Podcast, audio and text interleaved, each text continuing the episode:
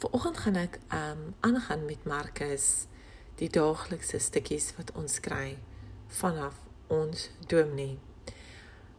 En ek lees gerus uit Markus 1 vers 2 tot 8. Soos geskrywe is in die profete: Kyk, ek stuur my boodskapper voor u aangesig wat u pad voor u uit sal regmaak. Die stem van een wat roep in die woestyn: Berei die weg van die Here, maak sy paaie reguit. Johannes het gekom en was besig om in die woestyn te doop en die doop van die bekering tot vergifnis van sondes te verkondig. En die hele Joodse land en die inwoners van Jerusalem het uitgegaan na hom toe. En almal is deur hom gedoop in die Jordaanrivier met belydenis van hulle sondes.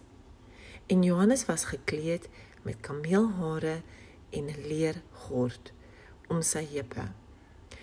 En hy het sprinkane en wilde heuning geëet.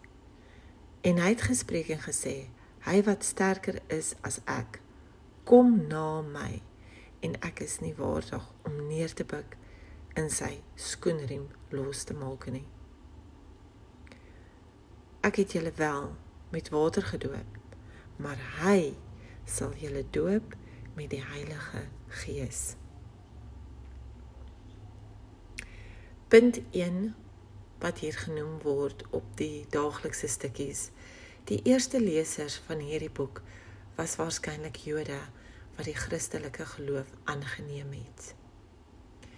Punt 2 is Markus begin deur vir hulle bekende Ou Testamentiese voorspellings aan te haal en hy sluit aan by die Messias verwagting wat al lank by baie van die lesers geleef het. Die derde punt is die eerste persoon op die toneel is die boodskapper Johannes die Doper, 'n man met 'n vreemde voorkoms en 'n vreemde boodskap. Derde punt is Markus beskryf hom as die vervulling van voorspellings uit die Ou Testament. Kan ook lees uit Malagi 3 vers 1 en Jesaja 40 vers 3. Die volgende punt is Johannes se boodskap was duidelik. Nie ek nie, maar hy. Volgende punt is die belangrikste persoon in die geskiedenis van die mensdom. Jesus Christus was aan die kom.